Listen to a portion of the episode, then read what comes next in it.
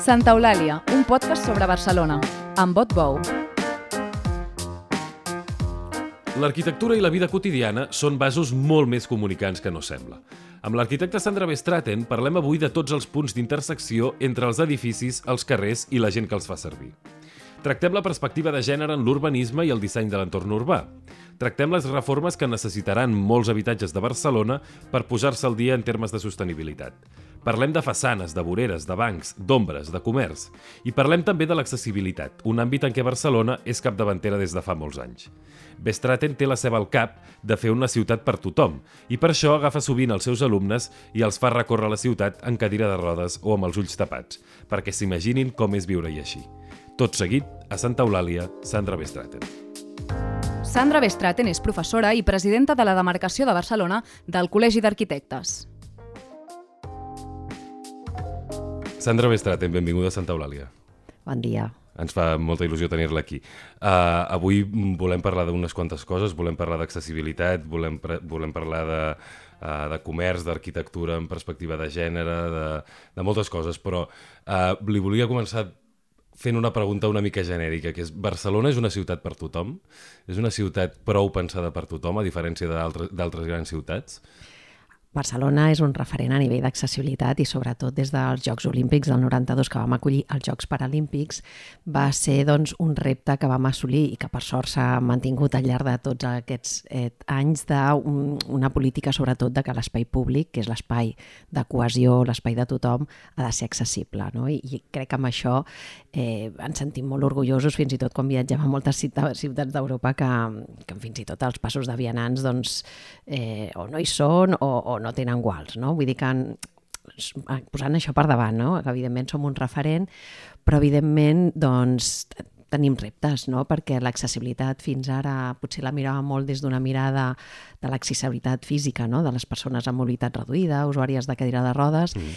i cada vegada doncs, estem ampliant, no? com és necessari, la mirada no? cap a les diferents eh, capacitats no? de, mm, sensorials, no? capacitats visuals, eh, auditives, també tota la, bueno, quan ens fem grans pense, també és important ser conscients que mm, en 20 anys es calcula que doblarem la població de més de 65 anys. No? Mm. Quan ens fem grans, tots ens fallarà una mica la mobilitat, la és visió difícil, i, la, i, la, l'audició, no? i amb la qual totes aquestes altres mirades eh, cal que ara doncs, són el repte. No? I, I Barcelona sempre ha estat un referent i hem de seguir sent-ho i per això el, el repte és cada vegada més difícil. No? I això és curiós, eh, perdoni que m'entretingui aquí, però és curiós que, que vingui dels Jocs Paralímpics. No? És una, és una, sempre parlem del llegat del 1992 i en canvi aquesta, aquesta faceta... Va ser només això? Va ser que hi havia en aquell moment per part de l'Ajuntament un, un punt de sensibilització extra o... o... Bueno, els Jocs Paralímpics va ser un motiu important per sobretot les entitats de persones amb discapacitat que per sort estan associades, estan cohesionades i van fer una feina important per vetllar pels seus drets no? a l'espai públic i, i aquí els hem de reconèixer i agrair no? que tenim la ciutat en part gràcies a tota aquesta feina perquè sempre és bo reconèixer que quan una ciutat és accessible doncs també és, és, és, és millor per tothom, és més còmoda, és més segura no? i crec que això ens beneficia a tots. No? Mm -hmm. Vostè he vist que al, al marge del col·legi, amb una de les assignatures eh, que ha ensenyat, fan, fan com aquesta activitat d'anar amb els alumnes amb, amb un antifàs, amb els ulls tancats, o d'haver d'anar amb bastó, o d'haver d'anar amb cadira de rodes, per, per, per veure quines són les dificultats que de vegades a, a la gent que, que físicament, diguem-ne, no tenim cap eh, limitació, eh, costa més de donar-se'n. Sí, de fet és bo experimentar-ho perquè a vegades no som conscients, no? per exemple, els estudiants d'arquitectura, que són els que tindran amb les seves mans no? pensar aquest espai públic o, o tota l'arquitectura al, al llarg de la seva vida, no? Eh, clar, un grau net de dos centímetres és una barrera. Un pendent molt pronunciat realment et fa, et fa girar i et fa caure la, de la cadira. No? I a vegades aquestes coses les has d'experimentar per ser conscients no? i entendre el per què s'han de cuidar també els detalls. No? Però també és important el, el que és percebre la discapacitat visual, no? que jo crec que aquí és on realment és, és complexa, perquè podríem dir que entra una mica en conflicte. No? A vegades a la universitat jo el que faig és que venen entitats de diferents col·lectius i generem un diàleg entre tots, perquè, per exemple, en, en la Ciutat Vella, no? els, els carrers estrets, l'aposta que s'ha fet, evidentment, és plataforma única, no? perquè voreres estretes on no podia passar una cadira de rodes, doncs la solució ha estat fer-ho tot com si fos una gran vorera, no? Però, clar, en el moment que aquesta vorera també passen cotxes, Uh, per un costat, per les persones amb cadira de rodes és, va bé, no? perquè no tenim el graó, però, però hi ha un problema de seguretat. hi ha un exemple. problema d'inseguretat, perquè al final la persona cega li costa molt reconèixer quin és l'espai de seguretat per on pot caminar i no li passa res, però només les persones cegues, les persones, els nens petits, no és molt fàcil dir, tu no baixis de la vorera, no? Però clar, si tot és vorera, no? Al final, eh, i aquí, bueno, s'estan fent diferents solucions, no? Hi ha tota una, una identificació que es fan al paviment, que és un, com es diu, paviment podotàctil, paviment d'advertència, que són uns puntets, no? un relleu que es fan al paviment per marcar aquesta línia en l'àmbit, no? el que seria la vorera segura i el que seria l'àmbit on poden passar cotxes. No?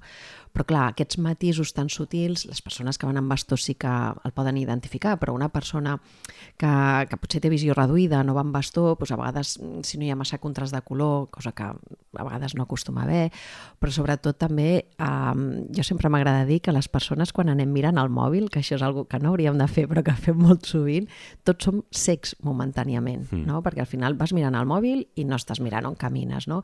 o vas despistat. No estàs pendent de l'entorn. No estàs pendent de l'entorn. Llavors, per això és tan important eh, garantir la seguretat, no? de, perquè puguem gaudir d'aquest espai públic, no? I, per, i sobretot també mirant aquesta mirada no? de, de, de les persones grans, Clar, també és veritat que hem d'entendre que la mobilitat està canviant. Ara tenim les bicicletes, tenim els patinets, tenim... No? Vull dir, ens movem alguns potser massa ràpid, no? Jo crec que potser el que hauríem de fer en general és baixar una mica el ritme, perquè llavors mm, molta gent gran, per exemple, no surt perquè té por. Té por que l'atropelli un patinet o que, o que xoqui sí, algú ni sí. que sigui amb això que deia vostè mirant el mòbil. Clar, o té por de, de, de, de no sentir-se segur si està caminant per lloc que toca o no toca, no? Perquè té, doncs, bueno, quan ens fem grans també les nostres capacitats cognitives també baixen, no? Llavors, mm, i aquí és una mica on hem d'intentar doncs, eh, treballar-hi molt tots de la mà. No? Aquest seria una mica el missatge, no? el diàleg, entenent de que som un referent i que ho hem fet molt bé, però que a vegades hem d'entrar en aquests petits matisos que, que hem de generar consensos per, per aconseguir que Barcelona segueixi sent aquest referent d'accessibilitat. I que la transformació és constant, no és una cosa que es faci una, una vegada la ciutat s'adapti i llavors ja, ja estigui adaptada per sempre, sinó que ha, hi ha canvis tota l'estona. Clar, el tema és que totes les actuacions que es fagin, jo crec que hem de fer l'exercici d'avaluar, d'avaluar moltíssim i no tenir por a, a, a, a, a que ens puguem equivocar, o sigui, però si no avaluem, doncs aquest error el podem estar repetint. No? I jo crec que és molt important entendre de que hem fet una, una aposta per una solució, no? doncs analitzem-la, analitzem el risc no? de seguretat que hi ha, però més del que hi ha, la gent que, les persones que potser que no hi van en aquest espai perquè eh, se senten insegures, no? o sigui, ser capaços de fer unes, uns anàlisis una mica globals per veure si podem trobar aquells matisos que ens permetin millorar per la propera acció no? o transformació de l'espai públic. Mm -hmm. a, a veure si aterrem una mica la, la, la qüestió de quines, de quines actuacions es poden fer per ser més sensibles amb això. Per exemple, eh, hem parlat de les voreres, també eh, la, la, la presència d'ombres és molt important, de vegades el, els bancs, no? el, el tipus de bancs si són més ergonòmics o menys ergonòmics, aquests blocs de formigó o de marbre que de vegades es fan servir i ja es compten com a, com a bancs, eh, no, no, no sé, quina, quin, quines actuacions, quan vostè va pel carrer amb els seus alumnes, per exemple, veu que, que, que són més estranyes? bueno, el que és important és que l'espai públic sigui agradable no? i que sigui amable. Llavors, evidentment, si tenim l'ombra d'un arbre, doncs, bueno, hi podrem estar, si no a l'estiu no hi podrem passar. Vull dir, ja en aquest sentit Barcelona té molt d'arbrat no? al, al, als carrers, però també és veritat que necessitem bancs. I, i està bé que hi hagi bancs de tot tipus, no? Vull dir, aquests de marbre poden servir per a vegades a trobar, de vegades, doncs, fins i tot als nens també els hi agrada jugar no? en aquest tipus d'espais, però crec que és important tenir bancs ergonòmics també, no? on puguem seure, on tinguin, on tinguin braços perquè les persones que tenen més dificultats per aixecar-se puguin fer eh, recolzar-se sobre els braços, aixecar-se, no? que puguin recolzar-se bé l'esquena, no? que siguin còmodes i, i, i sobretot bueno, que els puguem tenir en uns espais agradables d'ombra. I clar, aquests bancs a vegades també hem de veure com estan situats respecte cap a on miren, no? doncs potser està bé que mirin cap a, bueno, cap a altres bancs, no? vull dir que les persones entre nosaltres ens puguem mirar, però també puguem mirar cap a un comerç no? i que anem en compte també la distància que hi ha amb els cotxes, no? perquè clar, si tu tens un banc i just tens els cotxes que et passen a molta velocitat, just a molt pocs centímetres, bueno, també et dona molta sensació, dona una sensació molt estranya, no? Llavors, bueno, jo crec que és la, és la suma de molts matisos el que fa que un espai al final et vingui de gust estar-hi una bona estona no? o no, no. I aquí bueno, és on hi hem d'anar treballant i polint. Hem parlat, per exemple, de, de les discapacitats, però amb, amb el tema de la perspectiva de gènere, per exemple, hi ha una... Hi ha una L'arquitectura pot ser... Hi ha una manera de ser sensible amb això? Sí. Hi, hi, ha, hi, ha, hi ha actuacions eh, concretes, per exemple, en els pobles, sobretot també les ciutats, però en els barris més perifèrics, en els llocs eh, menys transitats, es parla molt de l'enllumenat sempre, no? Bueno, uh, però, però hi deu haver més cosa. Sí, la perspectiva de gènere, evidentment hi ha una part no?, que és la seguretat, no? Que, que, que no tinguis sensació de risc, que no tinguis carrers sense sortida, que estiguin ben il·luminats, no? i que mm, això evidentment és bàsic, però jo crec que m'agrada molt reforçar el concepte que l'urbanisme general que busca també és la vida quotidiana, no? és a dir, i que, i que som les dones, però que som els, par, els homes també i tots plegats, no? que puguem fer com la, la cadena de totes les activitats que fem, no? des de sigui anar a comprar el menjar, sigui anar a acompanyar els fills a l'escola o, els, o els avis no? al, al, al centre de dia, o que, que tu puguis fer totes aquestes activitats diguem, relativament a prop, no? I també el concepte aquest de, de la ciutat dels 15 minuts, no? Mm que tot estigui, que ho puguis fer caminant o en transport públic i que realment eh, aquí jo sempre faig una aposta molt decidida pel, pel comerç de proximitat. Crec que mm, hem de ser tots conscients quan fem una compra online que estem incentivant a que desaparegui un comerç de proximitat. Clar, el comerç de proximitat són els ulls dels nostres carrers, no? són els nostres veïns de la planta baixa, són els que d'alguna manera, de fet, en el camí escolar moltes vegades no? és el que es diu els comerços amics, no? doncs que per, per ajudar que els nostres fills vagin sols a l'escola, que és necessari perquè puguin créixer no? i també madurar, doncs a vegades és bo identificar certs comerços no? que, són, que poden tenir els telèfons de la família, que el nen se sent que si passa alguna cosa sap on acudir, però també una persona gran. Moltes persones grans tenen a vegades risc de, de perdre's, de desorientar-se. No? Doncs... I si el comerciant que hi ha allà a prop els reconeix o els pot ajudar o els... Clar, els, els comerciants jo els hi reconec que són, no sé, són part dels nostres serveis socials, vull dir, són els nostres psicòlegs a vegades, tu vas, tens un mal dia, vas allà a comprar el pa i al llit desfogues, no? Vull dir, i arribes a casa ja més a...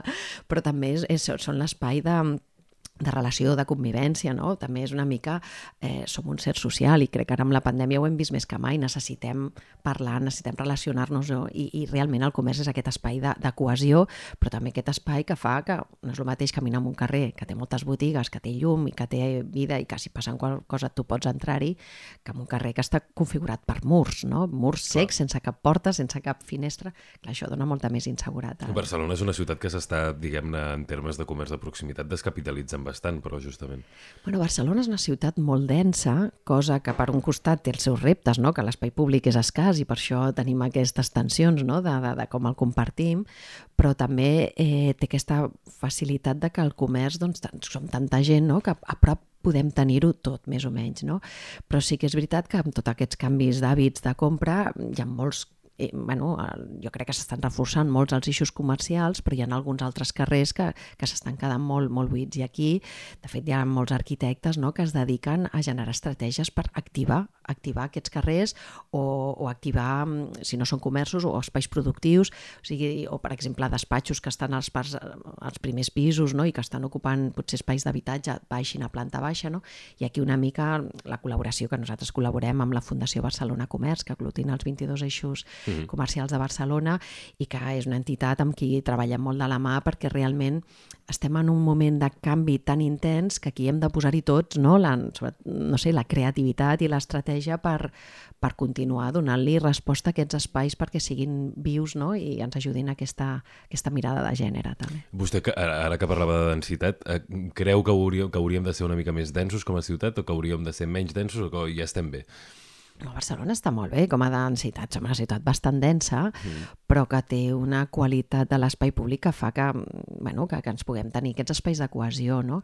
I cada ciutat té el seu ADN, no? I nosaltres som així i, i, i això té les seves virtuts sobretot per, per què? perquè al final optimitzes no? també els equipaments i els, i, i els desplaçaments, no? que tot pot pot ser desplaçaments més, més propers. De fet, Barcelona és una ciutat molt caminable, no? vull dir que pots anar caminant o, o en transport públic, no? sobretot no, bueno, metro, però sobretot la xarxa d'autobusos, no? que és la xarxa més capilar, no? que la que arriba a, tot, a tots els racons amb, amb, amb cert poc temps. No? I això mm. també és un valor, no? una qualitat també de vida en una ciutat.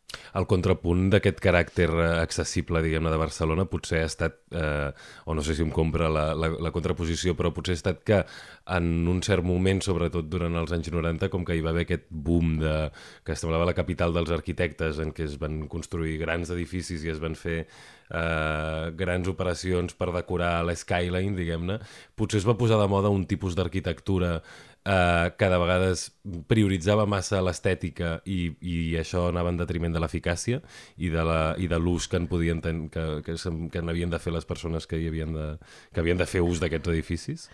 Home, aquí discrepo una mica perquè jo crec que mm, precisament Barcelona, jo crec que l'arquitectura és sempre imprescindible i estem sempre fent. Potser ara més invisibles perquè la feina que fem potser és més, és més mm, discreta, és més la rehabilitació, és anar cosint, no? és, és anar fent una feina que potser no és tan visual com la que es va fer en aquell moment en el qual realment tenien molts equipaments, moltes mancances d'equipaments de proximitat que s'havien de fer i segurament això va fer que tinguessin molt d'impacte visual, però evidentment l'arquitectura sense funcionalitat no es concep, igualment que l'arquitectura sense bellesa tampoc, no? perquè al final nosaltres defensem que la bellesa també contribueix a la felicitat, no? Tots ens agrada estar en un espai agradable, un espai maco, no?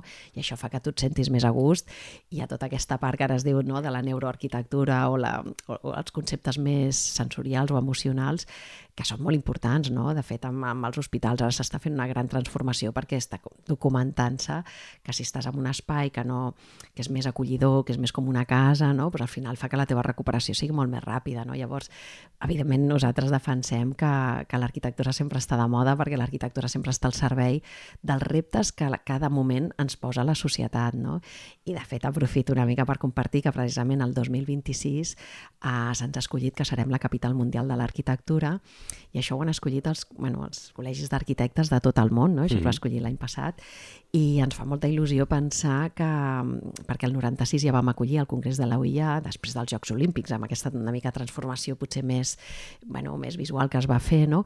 però el dos, 30 anys després, no? el 26, tornarem a ser capital de l'arquitectura i volem explicar al món quin és el rol de l'arquitecte d'avui, no? que és una mica això que estem parlant, no? com aconseguir que el comerç es pugui adaptar i segueixi sent actiu en les nostres plantes baixes no? i posant-li tota la creativitat, com fer les ciutats més accessibles per tota la població que cada vegada serem un continent molt envellit no? Uh mhm. -huh. I, i, com, i com apostar per la rehabilitació, no? que tenim una ciutat ja construïda i l'hem de l'hem d'allargar la vida, li hem de millorar el confort, l'eficiència, no?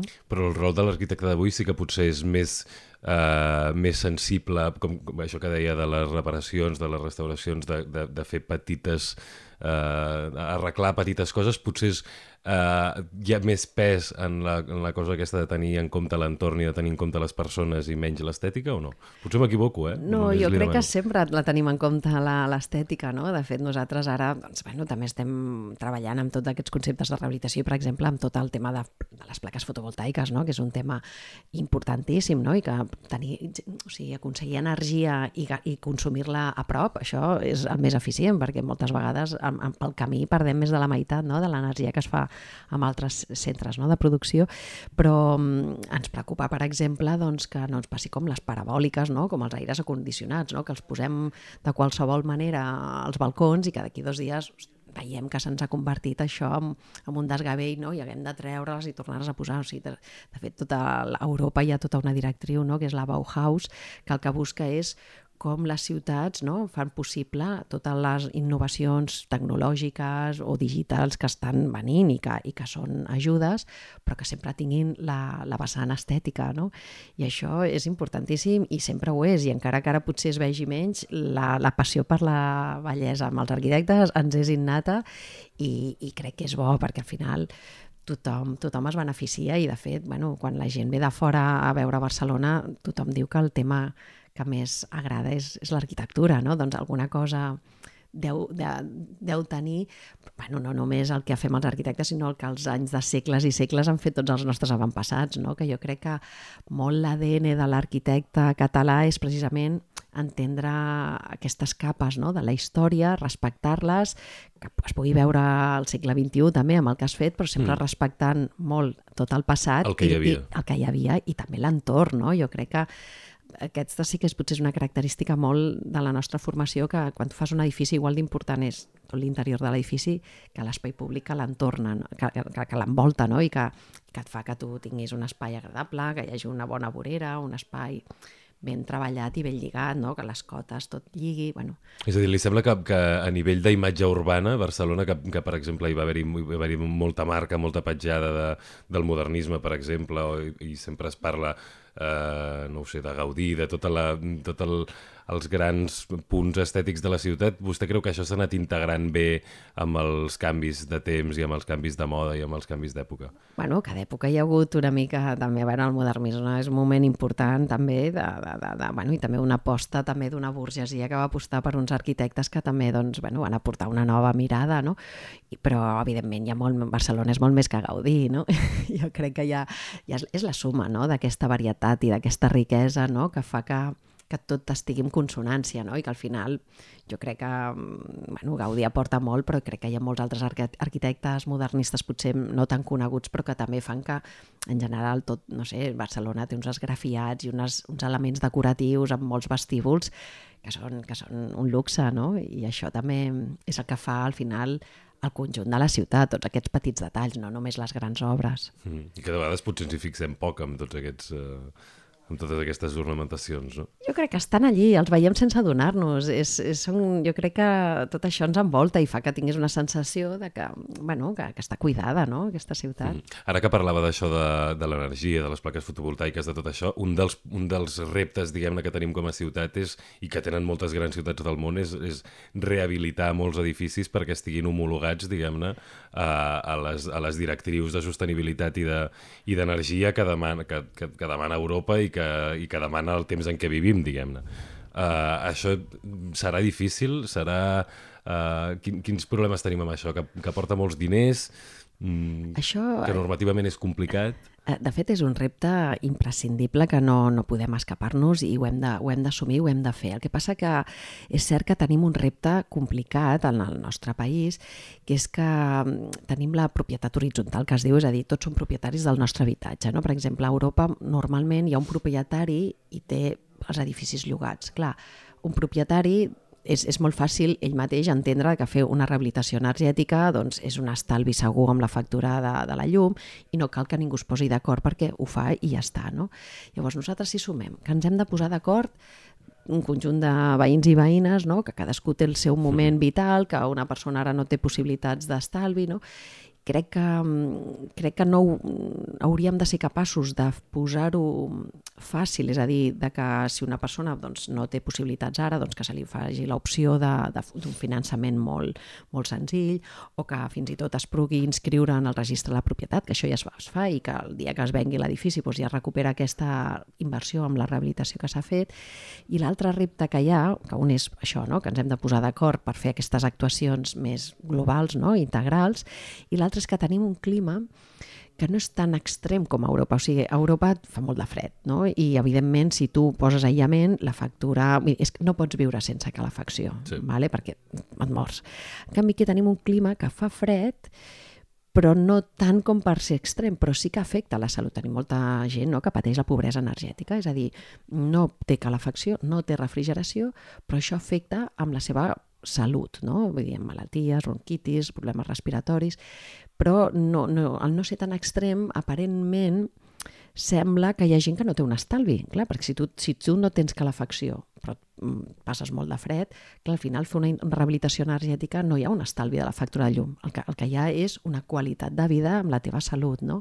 I a vegades, moltes vegades, com que ens manen molt les directrius europees, sempre estem no, amb l'estalvi, l'estalvi, bueno, l'estalvi i el confort, no? I la qualitat de, de vida, perquè si analitzem l'impacte del, dels diners públics que genera aquestes persones que pateixen la seva salut no? i que tenen malalties, que mm. s'han de medicar, tot això també té un cost no? de, de la seguretat social, que ara estem intentant doncs, fer-ho fer estudis perquè es tingui en compte que rehabilitar genera un estalvi a la despesa pública. A llarg termini, diguem-ne. Clar, a llarg termini, i sobretot que, que, que, que, que millorem la qualitat de vida de les persones. No? I crec que aquí és on, on cal una mica de consciència. Jo crec que ara tenim aquests, aquestes ajudes dels Next Generation, que, que són ajudes realment molt interessants.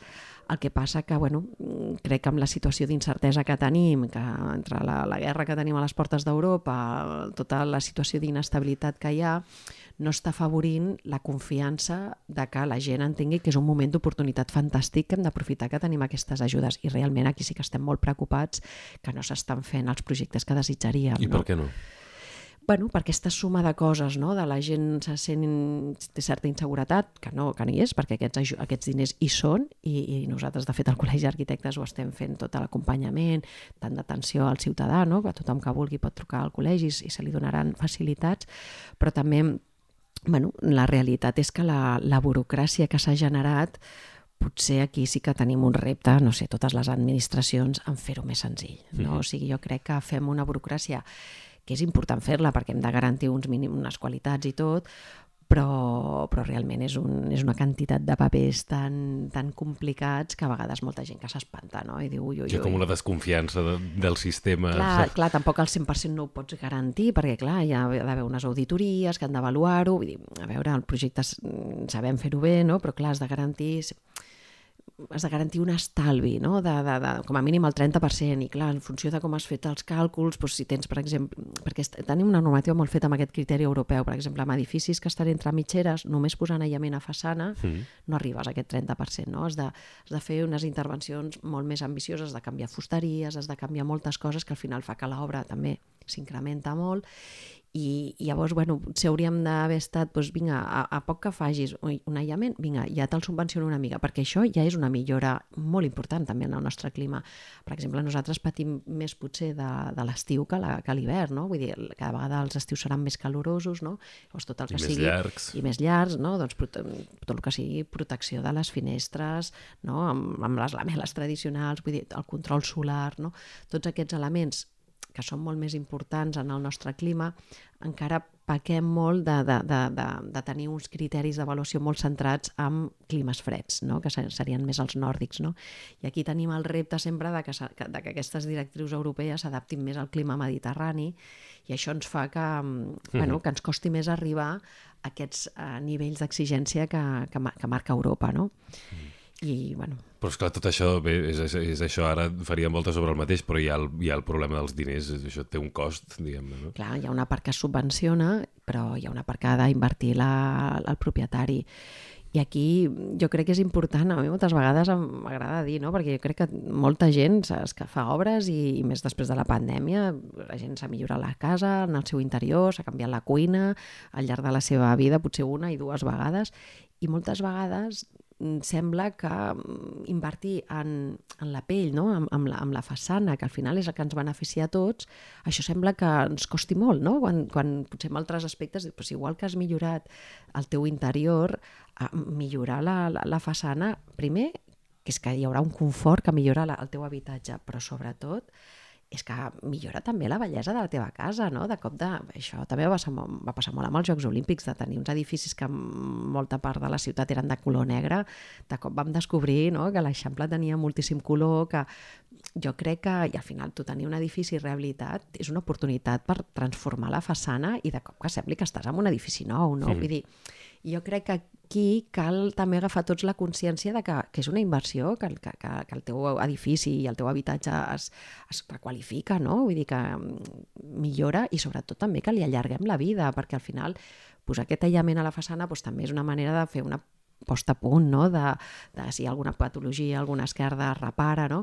i això és important. No? Sempre dic que si nosaltres, si com no vas mai al metge, no? el dia que hi vas et troba massa coses i potser és molt més complicat curar-te. No? Llavors, si fem aquesta rehabilitació energètica, jo crec que és molt bo també perquè estem fent com una... Vas posant al dia els edificis. Estàs posant al dia, l'estàs millorant, Aquest, aquest càlcul a llarg termini eh, que dèiem amb la rehabilitació dels edificis, de dir és que això a nivell de... ens, ens sortirà a compte a nivell de salut, per exemple, i a nivell de benestar, eh, amb la transformació de la mobilitat i les especificacions i la, que hi està havent a Barcelona, eh, les superilles, per exemple, eh, vostè fa el mateix raonament? És a dir, li, li sembla que, que, que hi ha el mateix eh, càlcul de benefici al darrere? Sí, de fet, a veure, la qualitat, tots hem agafat consciència que la qualitat de l'aire ens hi va la salut, no? I crec que, jo crec que hi ha hagut molta consciència no? de que l'espai públic no? I, i que el cotxe hem de veure com, com el reduïm no? per, per millorar la qualitat de l'aire, no? I aquí jo intento sempre defensar molt no? que hem de fer una aposta molt valenta amb el transport públic no? per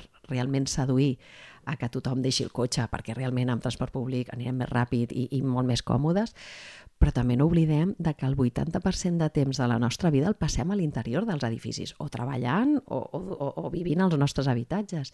I moltes vegades la qualitat interior dels, dels edificis pot arribar a ser dues i cinc vegades pitjor de qualitat, perquè clar, quan respirem nosaltres generem CO2 també, no? I si no ventilem, no? l'hàbit de, de ventilar, d'obrir finestres, no? D'entendre de, de, de, la importància de la qualitat de l'aire, jo crec que és importantíssima mm. a l'espai públic, però també és molt important a, a l'interior dels espais on vivim. Li sembla que s'ha gestionat bé? Li sembla que s'ha fet bé? A bon ritme, amb prou diàleg, amb prou sensibilitat? Bueno, jo crec que totes les fe... tot el que sigui apostar per anar millorant i posar-nos reptes difícils sempre és positiu. El que també és bo que siguem capaços doncs, d'això, d'analitzar-ho i de, de, de buscar més consens i buscar aquells petits matisos que, que potser no han estat òptims, no? que els puguem millorar amb les properes fases. Jo crec que el diàleg és, a, és, és cada vegada més necessari entre departaments, entre entitats, entre col·lectius, no? i aquí és, com a arquitectes és precisament el que més ens agrada no? de, de la nostra feina, no? que és escoltar realment a tothom no? i d'aquesta complexitat de totes les variables bus buscar quina és la solució òptima. No? I jo crec que el diàleg doncs, s'ha doncs, de seguir reforçant. És un tema que tots l'hem de seguir i sobretot intentar tenir una mirada més a llarg recorregut, no? intentar anar més enllà dels quatre anys dels mandats, entendre que hi ha projectes de transformació que han de ser de ciutat i que han de tenir consens, igual que el va haver no? quan els Jocs Olímpics i Paralímpics van fer una aposta per Barcelona no? i, i s'han mantingut al llarg del temps amb l'accessibilitat, doncs jo crec que hem de, hem de seguir amb aquestes polítiques de consens no? i crec que ara hem de veure com entre tots trobem una, un ambient més més de diàleg des de la mirada tècnica. Nosaltres a vegades ens preocupa quan hi ha coses que es polititzen, quan, no sé, jo crec que amb la pandèmia ningú qüestiona que la vacuna la fan els metges, no? Doncs, no, perquè per això han estudiat i els científics, no? I, i bueno, els reptes de transformació a la ciutat, els arquitectes estem per això, estem per ajudar, estem per, per, per, per entendre quins són els nous reptes i buscar les solucions, no? I crec Però que sí que, diguem-ne, està bé que hi hagi la figura dels polítics que compensen, el, el, tal com en la gestió, amb, amb la vacuna sí que està molt clar, eh, amb les normes que es van fer durant el confinament, el que sigui, bueno. estava bé que hi hagués un, un punt de, de, de gestió extra que tingués en compte altres elements més enllà de, de, de la cosa purament mèdica o, o el que convenia purament científicament. No? De vegades potser en el cas de l'urbanisme i de l'arquitectura sí que és importantíssima la mirada dels tècnics, però que de vegades hi ha el, el contrapunt dels polítics està bé, no? bueno, jo crec que, a veure, els polítics el que han de fer és confiar en els tècnics i, i, i amb els tècnics de cada àmbit, no? amb, cada, amb cada repte que tinguin, no? i crec que aquí hem de, de, de, potser hem de deixar-se ajudar més. Sí. A Barcelona creu que els, els tècnics, diguem-ne, haurien de participar més del, del projecte de ciutat bueno, hauríem de poder debatre des d'una mirada més relaxada, més des del consens, intentant no, tant uns com els altres no, no treure-ho tot cap a la vessant política, no? sinó anar amb una mirada tècnica i entendre no, doncs, quines són els pros i contres de cada acció que es va fent i sobretot amb aquesta voluntat de, de sumar, de, de, de, de de, de mirada constructiva, no? I ens preocupa quan a vegades petits matisos que es puguin dir ja sembla que estàs com en contra o... No, no, els arquitectes no estem ni a favor ni en contra. Nosaltres el que volem és constantment millorar i millorar i aquesta és la nostra vocació, no? Doncs amb aquesta vocació de millorar, a, a continuar fent feina. Sandra Bestraten, moltes gràcies per venir a Santa Eulàlia. Gràcies a vosaltres. Recordeu que els oients ens podeu enviar suggeriments i comentaris a l'adreça de correu electrònic santaeulàlia.vilaweb.cat. Gràcies. Santa Eulàlia és un podcast de VilaWeb presentat per Otbou amb Carles Garcia al servei tècnic i a les veus Maria Castanyer.